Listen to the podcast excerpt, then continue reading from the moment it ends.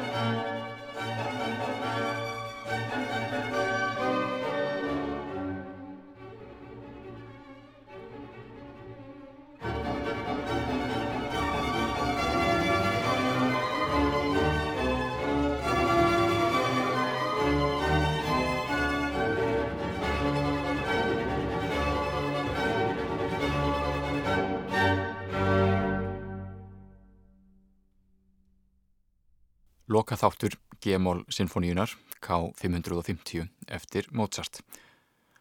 Tóntegundir höfðu alltaf ákveðna merkingu fyrir Mozart og raunar áttiða við um flest tónskáld á átjóndu öld. G-mól var til dæmis dramatísk og harmræn tóntegund og Mozart notaðana almennt fremur sparlega. En á árunum um 1787 til 88 samdan fleiri meistaraverki einmitt sömu tóntegund og þar ber einna hæst strengja kvintett sem var til vorið 1787 fyrir tvær fylur, tvær víjólur og selló. Mozart var að verða ljóst þegar hann samtið þetta verk að vínarbúar höfðu upp til hópa snúið við honum baki. Þeir vildu léttari og aðgengilegri tónlist en hann bauð upp á.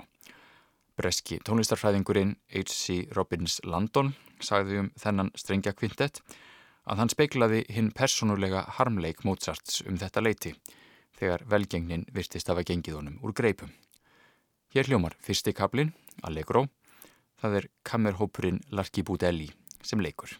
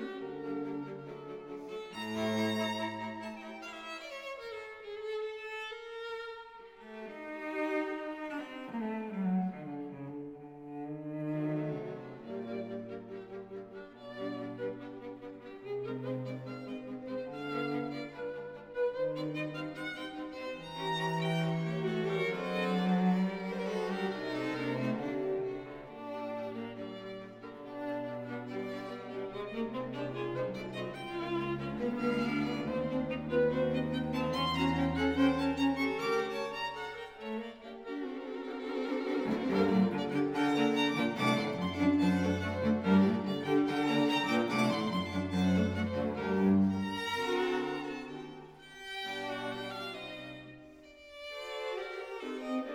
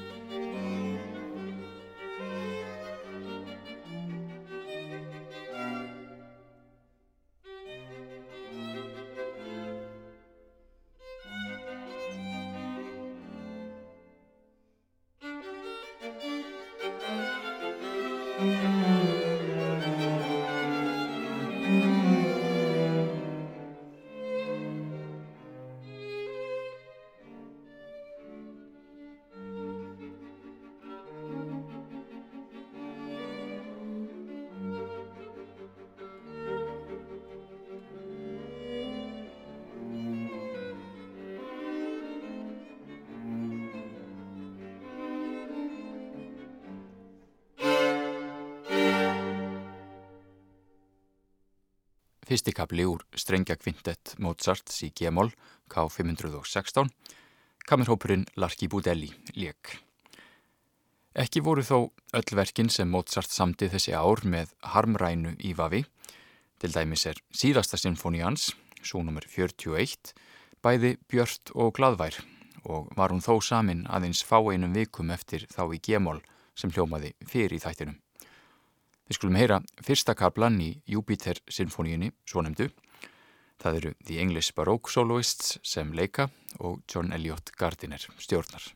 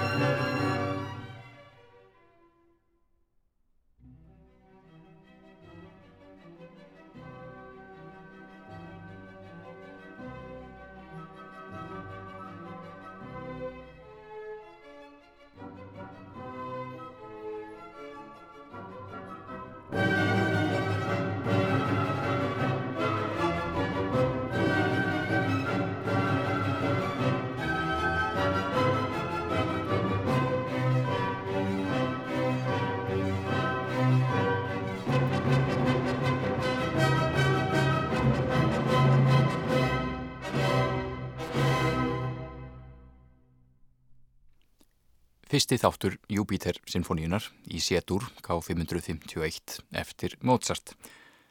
Lokakabli þessarar sinfoníu hefur vakið mikla aðdáan gegnum aldirnar en það er hann mikið afrek í kontrapunkti og sínir að Mozart hafi lært Marta því að kynna sér verk eldri meistara.